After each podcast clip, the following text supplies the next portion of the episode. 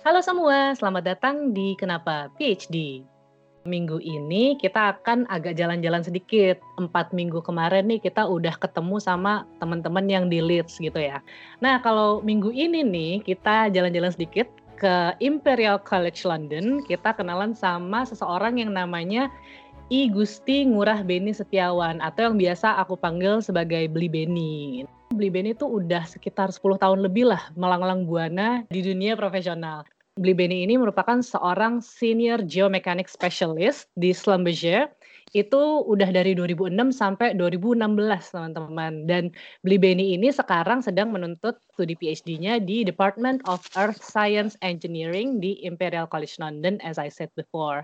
Judul tesis Bli Beni sendiri adalah Stability of a Wellbore in Anisotropic Rocks. Oke, okay, tadi aja aku minta diajarin anisotropic tuh bacanya gimana gitu kan.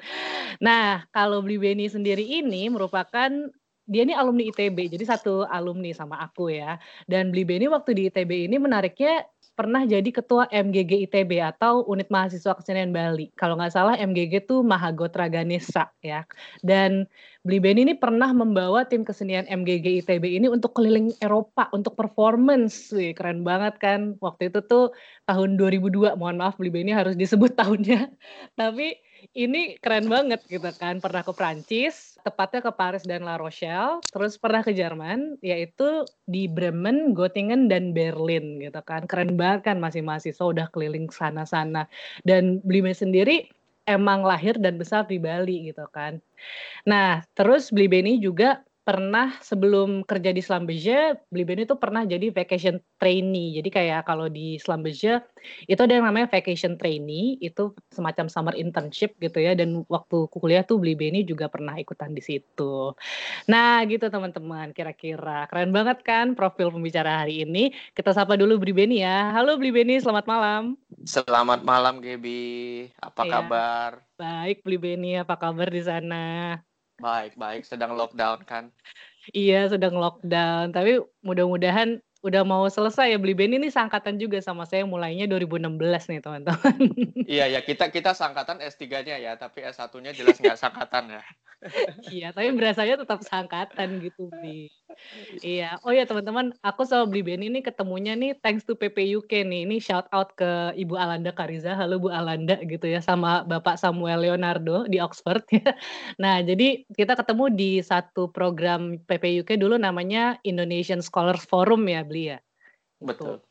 Oh iya, Bli Ben ini juga lagi ngurus IATMI nih. Jadi teman-teman kalau misalnya tertarik sama apa ya dunia migas, IATMI sendiri tuh ikatan apa Bli? Sorry kalau ikatan Ikatan Ahli Teknik Perminyakan Indonesia. Iya, Ikatan Ahli Teknik Perminyakan Indonesia dan itu cabang UK. Kita mulai-mulai ngobrol-ngobrol soal risetnya ya, Bli ya. Sebelumnya mungkin aku tanya dulu passwordnya. Jadi kenapa PhD? Kenapa tidak? Asik ya.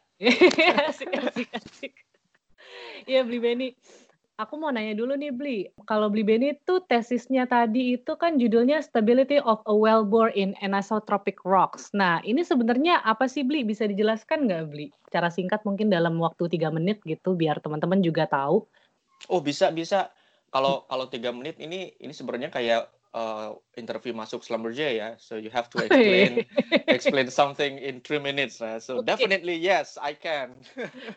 ya jadi prinsipnya yang yang kita lakukan sekarang itu adalah kalau kita ngebor itu biasanya kan lubang itu suka runtuh ya. Kayak misalkan kalau kita sedang gali uh, lubang untuk pasang bendera 17 Agustus gitu. Jadi kalau lubang itu runtuh, nanti linggis itu kan akan terjebak di situ kan. Nah, now just uh, imagine if you have like 13,000 feet itu 3 km sumur bor itu kalau itu sampai kejepit kalau itu sampai runtuh lubang bornya itu pipa pemboran dan semua alat-alat itu nggak akan bisa ditarik lagi ke permukaan. Dan itu nggak cuma biaya tapi juga masalah keselamatan proses pemboran kan di mana di oil and gas itu safety itu jadi prioritas banget gitu loh. Nah jadi yang ingin kita kerjakan di sini adalah gimana caranya mengoptimalisasi proses pemboran itu dengan pendekatan-pendekatan mekanika batuan supaya nanti kita punya cara yang cepat, cara yang murah secara komputasi untuk menghitung besarnya komponen stres ya di sekitar lubang bor itu sendiri. Nah nantinya yang bisa kita lakukan adalah dengan metode yang kita develop ini semua itu bisa di, dihitung dengan sangat-sangat cepat dengan sangat-sangat murah. Akhirnya apa? Nanti proses safety-nya itu bisa meningkat, kemudian dari segi investasi juga bisa lebih murah. Jadi it's like a, a silver bullet for the oil and gas industry. Is it three minutes? Oh less. Uh, masih less banget beli. Masih ada satu menit lagi, boleh beli kalau ditambahin beli. Oh boleh banget. Boleh. So so ja, prinsipnya gini sih. Kalau kita kalau kita kita di PhD itu uh, the way the way I put it in PhD itu kan so we have to tackle the the, the very basic assumption ya. Nah uh, research kali ini itu benar-benar tackling dua asumsi dasar yang biasanya dipakai selama hampir 30 tahun di industri migas dan itu yang sedang kita kerjakan sekarang. Jadi nanti kita ujung-ujungnya itu adalah akan keluarkan metode baru, ada persamaan baru yang nanti bisa dipakai oleh drilling engineers atau bahkan mungkin dari industri-industri lain karena kita banyak pakai rujukan itu dari teknik mesin, penerbangan, teknik sipil, dari dari tambang dan metode ini akhirnya nggak eksklusif untuk di migas dan di pemboran aja gitu. Wah keren banget nih dalam dua setengah menit udah clear semuanya. Oke oke oke. Bli, aku mau nanya dulu nih Bli, ini kan uh, stability of a wellbore in an anisotropic tropic rocks. Nah, boleh nggak dijelasin? Mungkin ini dasar banget sih. Sebenarnya anisotropic rocks itu apa sih Bli? Kenapa khusus studinya tuh di batuan yang anisotropik gitu? Kalau bayangin material yang anisotropik itu bayangin kue lapis deh. Mhm, atau mm -hmm. atau yang paling sederhana itu bayangin kalau Gaby punya tumpukan kartu gitu ya atau teman-teman mm -hmm. punya tumpukan kartu gitu ya. Kalau kemudian kita tekan dari arah atas ya itu nanti dia akan lebih bumpy kan. Dia akan lebih kayak soft gitu ya. Mm -hmm. Nah, mhm. tapi kalau kartu tumpukan kartu itu ditekan dari arah samping, dia itu kan kerasnya lebih lebih kuat ya, lebih lebih stiff kalau kita bilangnya. Jadi sekarang itu bendanya sama. Itu sama-sama tumpukan kartu yang sama tapi ketika kita tekan itu dari arah atas dan kita tekan dari arah samping, itu seolah-olah dia itu punya sifat atau karakter yang beda gitu loh.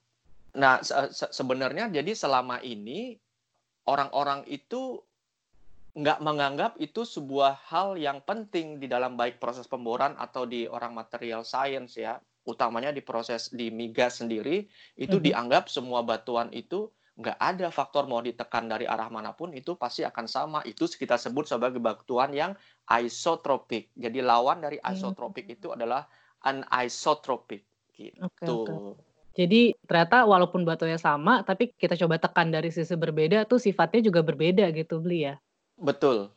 Hmm, oke, keren keren keren nih.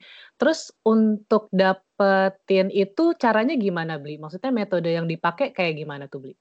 Jadi metode kita itu uh, uh, gini, yang kita develop sekarang ini kan sebuah persamaan uh, yang bisa kemudian ngeliat atau mengadopsi karakteristik yang paling akurat yang kita hadapin di bawah. Jadi kita betul-betul challenge asumsi bahwa nggak bisa kita ini anggap batuan itu tuh batuan sempurna yang seolah-olah nggak ada cacatnya yang yang batuan itu sesederhana itu. Padahal yang terjadi di bawah itu very very complex. Mm-hmm. And mm-hmm. and uh, cara paling mudah adalah asumsi paling dasar adalah dengan ambil asumsi bahwa dia itu anisotropik itu tadi. Nah, mm. yang yang kedua adalah yang riset kita ini sebetulnya adalah kita itu asumsi yang kita tackling adalah kita nggak nganggap lagi sumur itu ya sumur sumur pemboran itu tuh sebagai perfect cylinder gitu loh. Okay. Kalau silinder itu kan dia bentuknya perfect circle kan. Itu asumsi kita ketika kita bikin model matematik. Nah sekarang dengan metode ini kita nggak akan asumsikan dia itu silinder.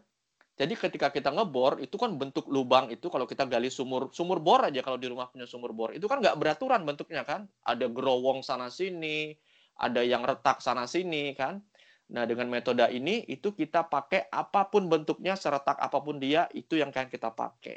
Implikasinya adalah we don't really take any prior assumption of what the well bore, what the material should be. Tapi kita benar-benar ambil dan pakai dia apa adanya. Sehingga itu menurut kita jadi lebih realistis untuk dipakai pada saat desain pemboran gitu.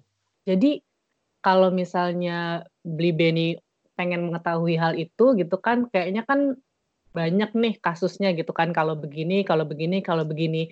Nah, kalau dari Beli Beni sendiri nih sebagai, eee, mahasiswa teknik perminyakan lah ya, itu yang dikerjakan setiap harinya tuh apa sih Bli? Apakah Beli Beni tuh nge-lab atau Beli Beni lebih banyak komputer modelingnya atau Beli Beni lebih banyak apa gitu kan, kayak tes-tesnya tuh apa aja sih?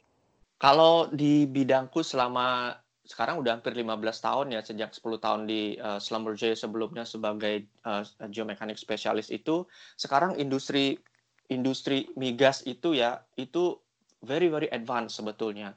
In terms of bahkan sudah sejak 15 tahun yang lalu mungkin ya, uh, probably I'm wrong. Tapi sejak 10 tahun setidaknya 10 sampai 15 tahun yang lalu, advance-nya itu adalah kita itu data pada saat kita ngebor itu kan ada mata bor ya. Nah, di atas mata bor itu nanti ada alat yang bisa mengukur macam-macam, bisa mengukur kecepatan batuannya. Artinya kayak kita itu pasang ingat kalau di dokter itu kita suka ditempelin sesuatu kan ya, kemudian kita akan lihat sinyal pergerak sinyal detak jantung kita, kemudian kita dengan CT scan itu misalkan kita bisa lihat isi dalam tengkorak kita. Nah, hal yang sama itu terjadi pada saat proses pemboran. Jadi selama mata mata bor itu bergerak masuk, itu di saat yang bersamaan kita juga akan ukur semua properti batuan dari resistivity-nya. Misalkan kalau teman-teman yang basicnya fisika, kemudian dari parameter radioaktivitinya, dari parameter kekuatan batuannya, itu semua akan diukur secara real time. Kemudian di saat yang bersamaan data itu akan dikirim langsung ke permukaan lewat telemetri. Dari telemetri itu kemudian akan dikirim lewat satelit dari satelit itu kemudian kami orang-orang yang di kantor geoscientist ini akan langsung ambil data itu. So can you imagine that within less than only few seconds lagging data yang ada sekian ribu kaki atau berapa ratus meter kilometer di bawah permukaan itu bisa sampai langsung dari bawah naik ke permukaan bumi, terbang ke satelit di angkasa, turun lagi ke kantor kita, kita streaming, lalu baru kita hitung. Jadi itu yang kita olah sebenarnya orang-orang kayak kita ini yang geoscientist kita akan olah data-data itu untuk dapat analisa harus diapakan nih pemboran saat ini. Saat itu juga gitu. Saat mata bor itu masih bergerak, saya harus belokkan kah? Saya harus lakukan hal lain kah supaya sumur ini proses pemboran ini nggak sampai rontok semua gitu. Hmm, Oke, real time ya berarti beli ya. Jadi kayak mau di mana pun kantornya gitu kita bisa lihat uh, mata bor di mana, kondisi dia seperti apa gitu dan itu berarti kerjanya 24 hours ya beli ya ininya ya um, shift-shiftannya gitu ya Iya benar. Jadi tahun 2010 itu uh, aku dan dan timku ada ada orang India satu lagi bosku orang India. Kami berdua waktu itu cuman kami itu tim cuman tiga orang gitu. Jadi mm -hmm. kita pergi ke offshore. Uh, waktu itu sedang ngebor di sana selama satu tahun gitu. Jadi kita pergi ke offshore kita bagi dua, 12 jam, 12 jam. Jadi aku bagian jam 7 malam sampai jam 7 pagi gitu ya. Kemudian aku tidur, dia yang kerja dari jam 7 pagi sampai jam 7 malam. Jadi memang karena proses pemboran itu nggak berhenti, nggak kenal waktu kan. Sebab uh, biayanya itu untuk sewa rig pada saat itu dengan untuk laut dalam itu bisa sampai 700 ribu dolar per hari itu hampir sekarang mungkin lebih dari jutaan dolar per hari ya jadi kalau kita kehilangan waktu satu jam aja itu udah biaya banget buat mereka sebetulnya. Hmm, oke. Okay. Terus kalau di proses PhD ini beli apakah data yang beli Beni pakai itu kurang lebih sama dengan data boring yang beli Beni jelaskan tadi atau ada yang sedikit berbeda atau gimana beli? Uh, benar, data yang kita pakai sekarang ini itu 99% sama ya. Hanya cara kita mendapatkannya aja yang berbeda. Sehingga pendekatan yang kita bikin sekarang ini itu bisa dipakai sebelum proses pemboran itu berlangsung atau kita sebutnya pre-drill atau selama proses pemboran itu berlangsung kita sebutnya sebagai real time atau setelah pemboran itu berlangsung misalkan apa kita mau analisa sumur yang kemarin udah dibor nih sebulan yang lalu udah selesai nih saya mau lihat nih itu kita sebutnya sebagai post drill jadi itu dari segi time frame ada tiga tipe waktu itu yang biasanya tempat kita bekerja kita penting untuk lakukan pre-drill itu supaya kita bisa planning. Saya mau ngebor eh, sebulan lagi, desainnya itu harus seperti apa ya di daerah Jawa misalkan. Oh, daerah Jawa itu banyak gempa loh. Oh, di atas itu ada banyak rumah penduduk loh. Jadi nggak bisa tuh pasang rig di sana. Jadi harus miring nih sumurnya nih. Saya harus ngebornya dari dari Bekasi nih, nggak bisa dari Jakarta. Gitu. Tapi minyak saya itu ada di bawah Jakarta. Gimana dong? Ya udah nanti pasang rignya itu dari Bekasi, sumurnya itu turun, kemudian belok, kemudian mendatar, sampailah di bawah Jalan Sudirman misalkan gitu. Nah, itu bisa dilakukan data data-data itu semua tipenya akan sama dan itu yang kita pakai juga sekarang pada saat mendevelop metode ini di Imperial gitu. Wah, keren banget ya. Bener-bener kita kayak lagi di lapangan dengerin Beli Benny ngomong kayak gini. Dan bener-bener kayak main puzzle ya belinya ini gimana, ini gimana, ini gimana gitu. Kayak banyak apa ya, banyak keputusan yang harus diambil kayaknya ya. Iya banget. Wah, seru banget nih Bli. Makasih nih Bli sharing-sharingnya. Mungkin kita ngobrol lebih ini nih, lebih kita digging deeper lah sekarang. Tadi kita udah ngebor, sekarang kita coba digging deeper. Nah, kalau Bli Beni sendiri ini kan udah 10 tahun ya kira-kira di dunia migas. Kalau menurut Bli Beni sendiri, apa sih bedanya bekerja di dunia profesional sampai akhirnya pindah ke PhD lagi gitu? Atau mungkin sebelum kita ngomong bedanya, kenapa sih gitu? Kenapa sih Bli Beni uh, memberanikan diri untuk ah gue pengen ngambil PhD lah tahun 2016 kemarin gitu? Ini pertanyaan yang ditanya banget sama mertua, sama calon supervisor dulu, which is yang sekarang jadi supervisor, sama istri, sama diri sendiri, dan sama uh, eh, LPDP dulu waktu interview. Iya iya, kebayang sih beli makanya. sebab sebab sebab gini sih, 10 tahun itu bukan waktu yang sebentar dan dan nggak lama juga sebetulnya. So I was right in the middle of making uh, this decision ya to switch dari pro, uh, profesional kemudian balik ke akademisi lagi, eh, balik ke akademik ya. Pertanyaannya kenapa? Kalau jawabannya tadi ya kenapa enggak gitu kan. Tapi sebenarnya sebenarnya yang lebih penting dari itu tuh begini.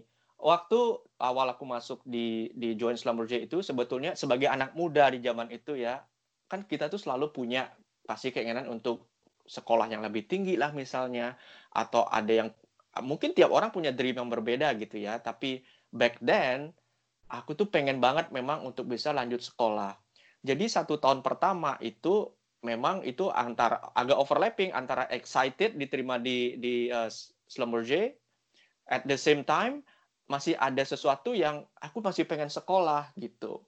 And then beberapa bulan itu sambil kerja gitu aku masih tetap rajin untuk cari-cari peluang gitu kan. And then I send an email to uh, beberapa profesor di luar untuk minta kalian punya beasiswa atau enggak support atau project untuk saya bisa lanjut PhD kemudian yang namanya orang kerja udah asik kan akhirnya. And then because you develop your career you develop your expertise and then uh, slowly you building up networks gitu ya. Mulai direcognize di industri di tempat kerjaan.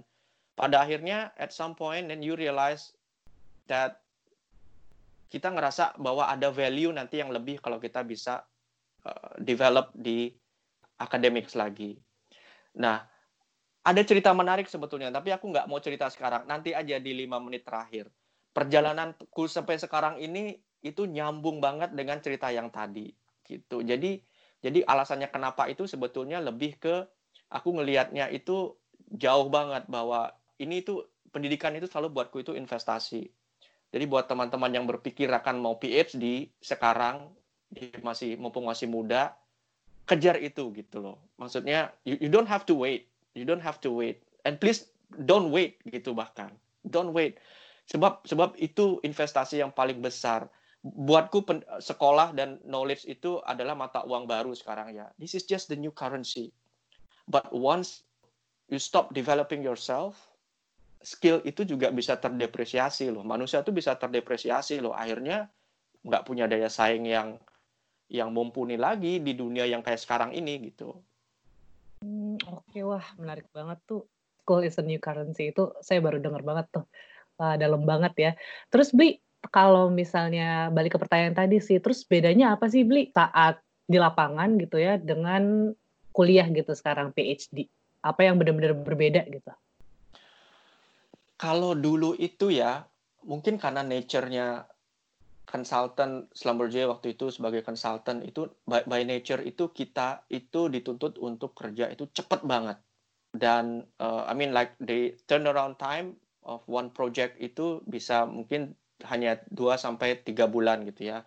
Dan kita bisa satu orang itu geoscientist itu konsultan geoscience itu bisa pegang mungkin kadang-kadang bisa 2 sampai tiga project sekaligus kalau itu sangat uh, sibuk waktunya dan itu harus dealing dengan klien dan klien itu very very demanding kadang-kadang kan. Dia bisa telepon atau kirim email jam berapapun yang dia mau kemudian minta hasil yang cepat. Pertanyaannya cuma satu baris sih can you please provide this thing? Tapi untuk jawab itu bisa kita harus investasi sampai satu minggu gitu kan nyari jawabannya kemudian bisa formulate uh, jawaban untuk dia gitu kan.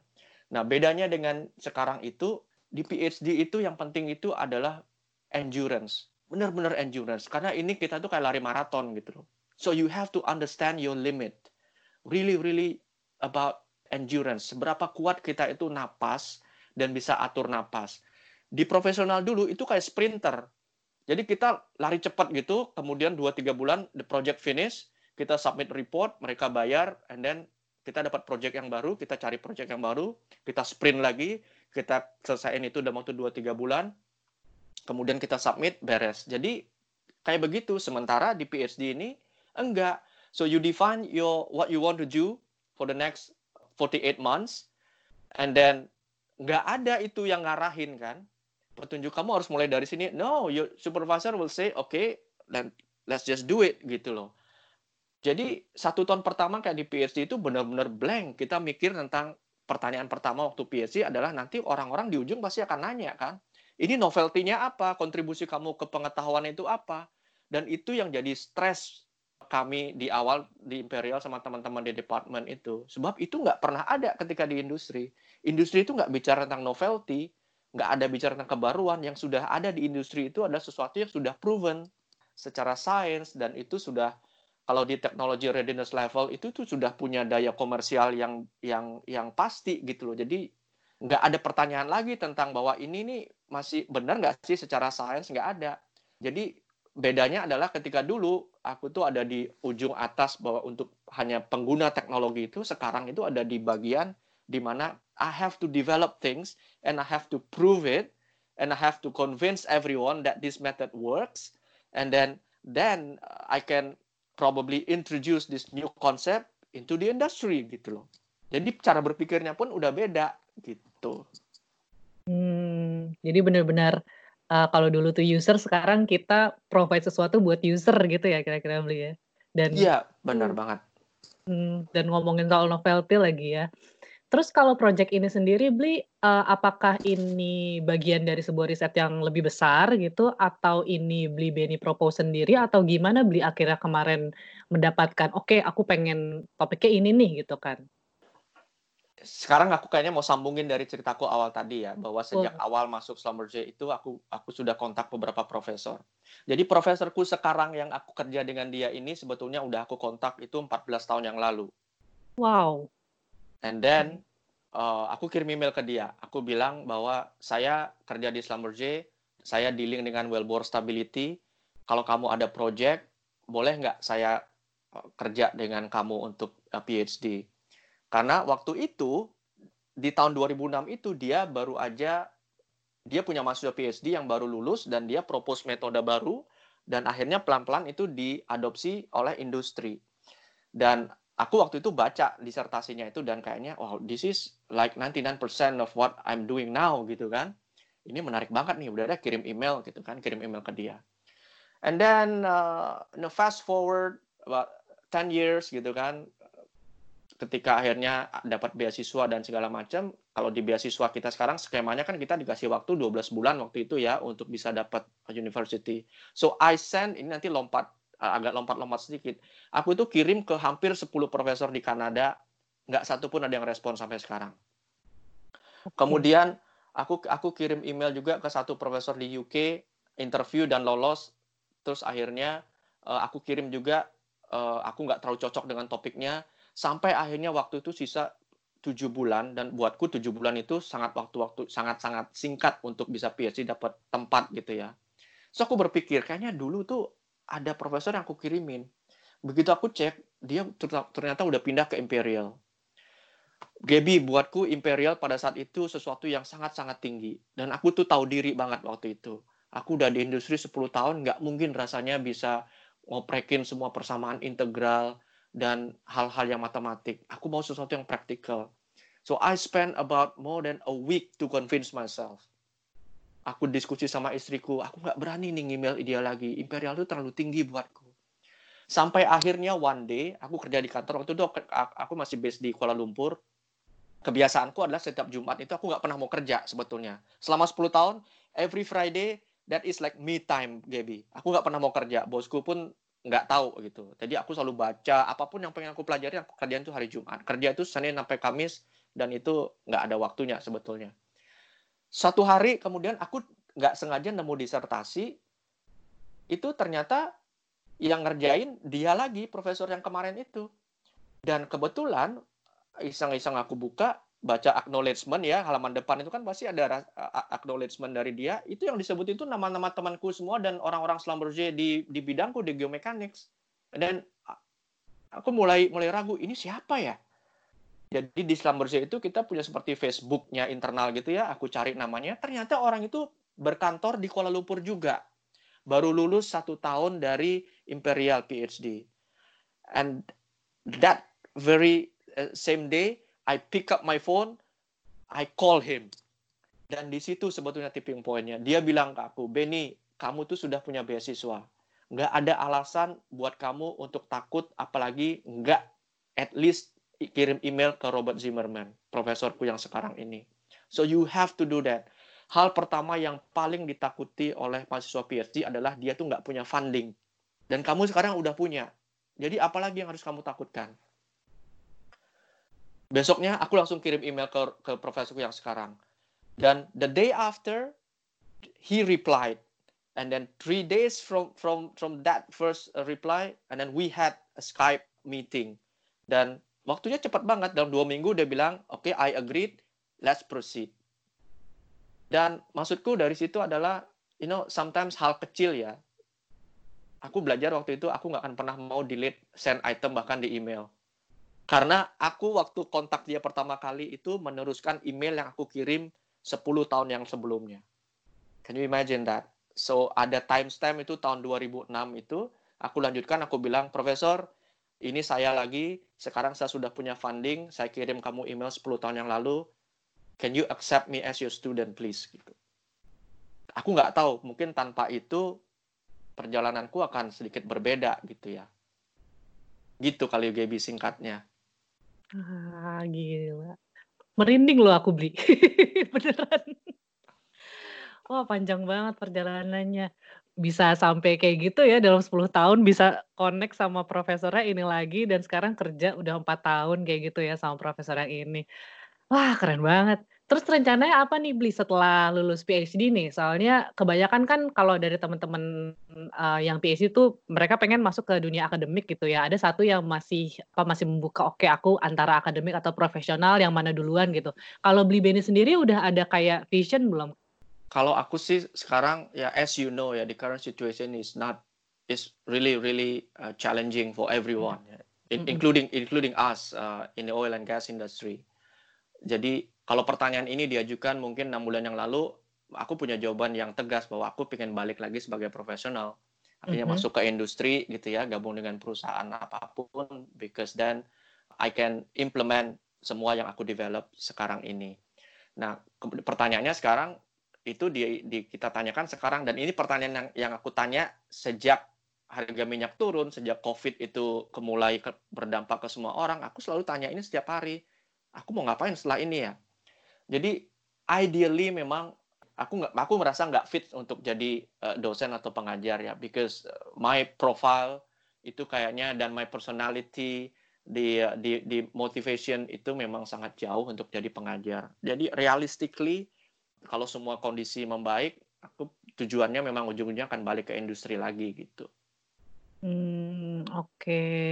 Baik, Beli Beni, aku pengen ngobrol-ngobrol banyak banget nih kayak karena nggak bisa nggak bisa sebentar doang emang ngobrol kayak gini tuh. Tapi untuk menutup perbincangan kita pada malam ini mungkin Beli Beni, aku mau nanyain satu pertanyaan yang selalu aku tanyain nih ke tamu-tamu aku.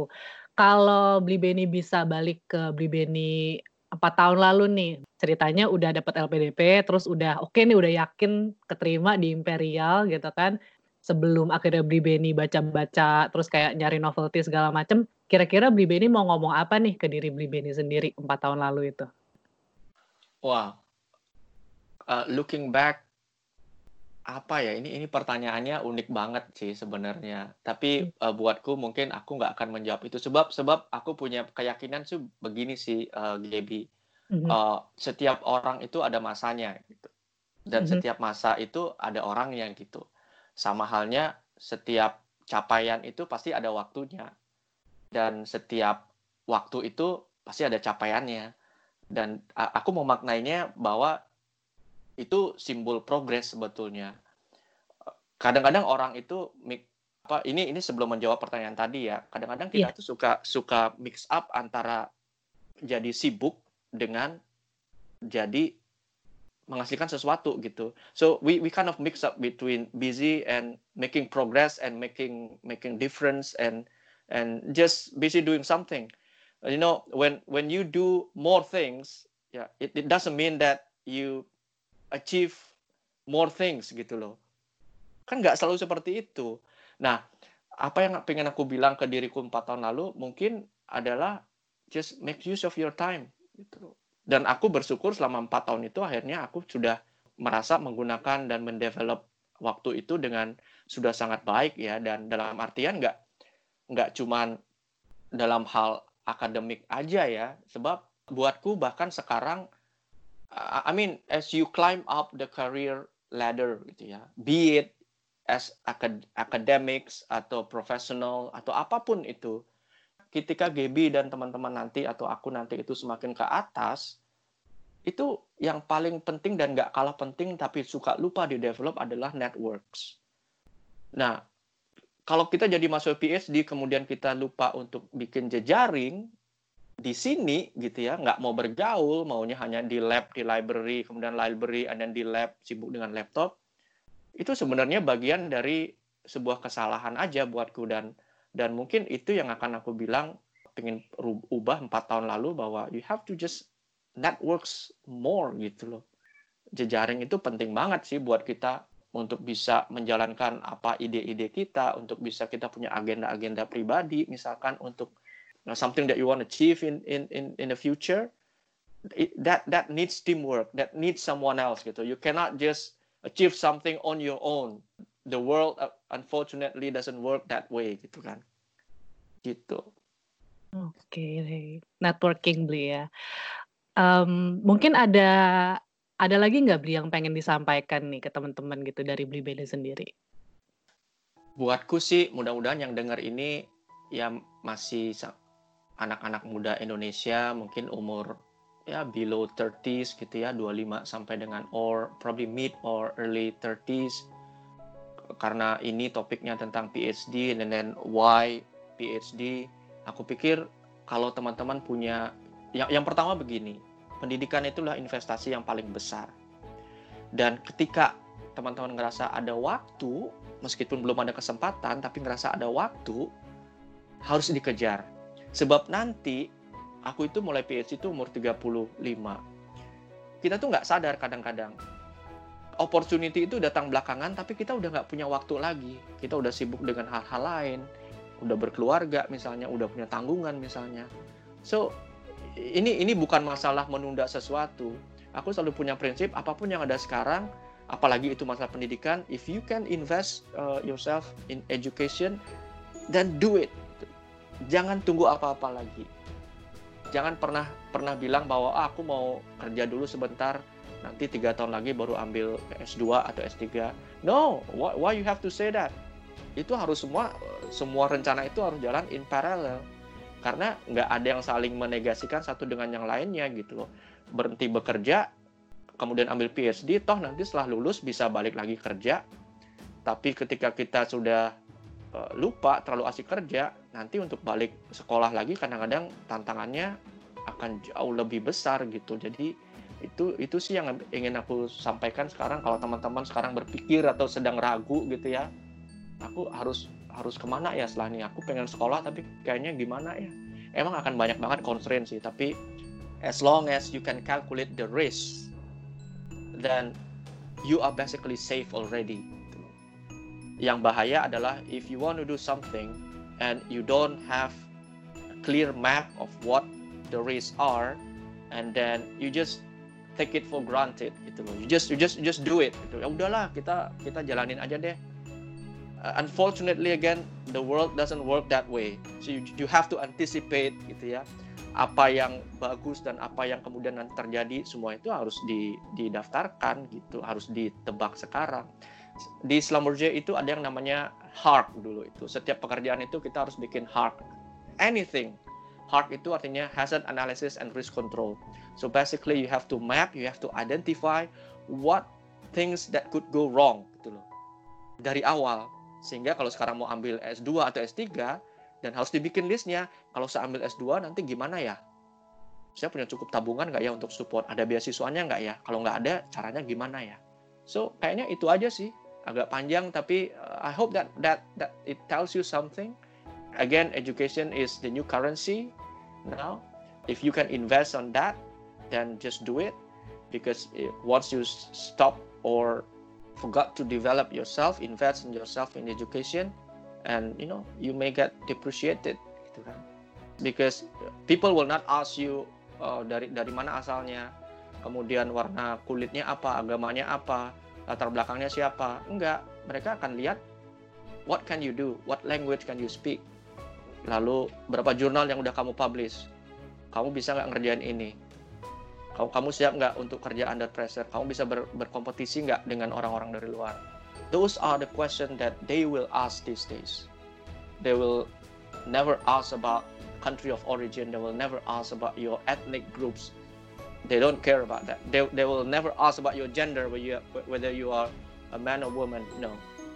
They will focus on apa yang bisa kamu lakukan untuk dia that's it Cool, setuju banget, beli setuju banget. Ini pesan yang menarik banget ya. Jadi as long as you can calculate the risk, then you're safe already. Wah, itu hmm, key point banget kita punya education dan we can do that. Wah, keren banget uh, sharing-sharingnya Bri Beni. Terima kasih lagi sekali lagi nih udah mau sharing-sharing. Terima kasih Gaby yang sudah ngajak di sini. Iya, sukses untuk penyelesaian PhD-nya dan ke depannya seperti apa gitu ya, Bli. Sama-sama hmm. sukses juga sebab kita ada di jalan yang sama kan sekarang. Iya, mudah-mudahan deh sama-sama selesai juga. kita ngobrol-ngobrol lagi di Kenapa PhD selanjutnya setiap hari Selasa. Saya Gebi dan Bli Beni pamit hari ini. Terima kasih semua. Bye. Selamat malam Bli Beni. Bye bye. Selamat malam.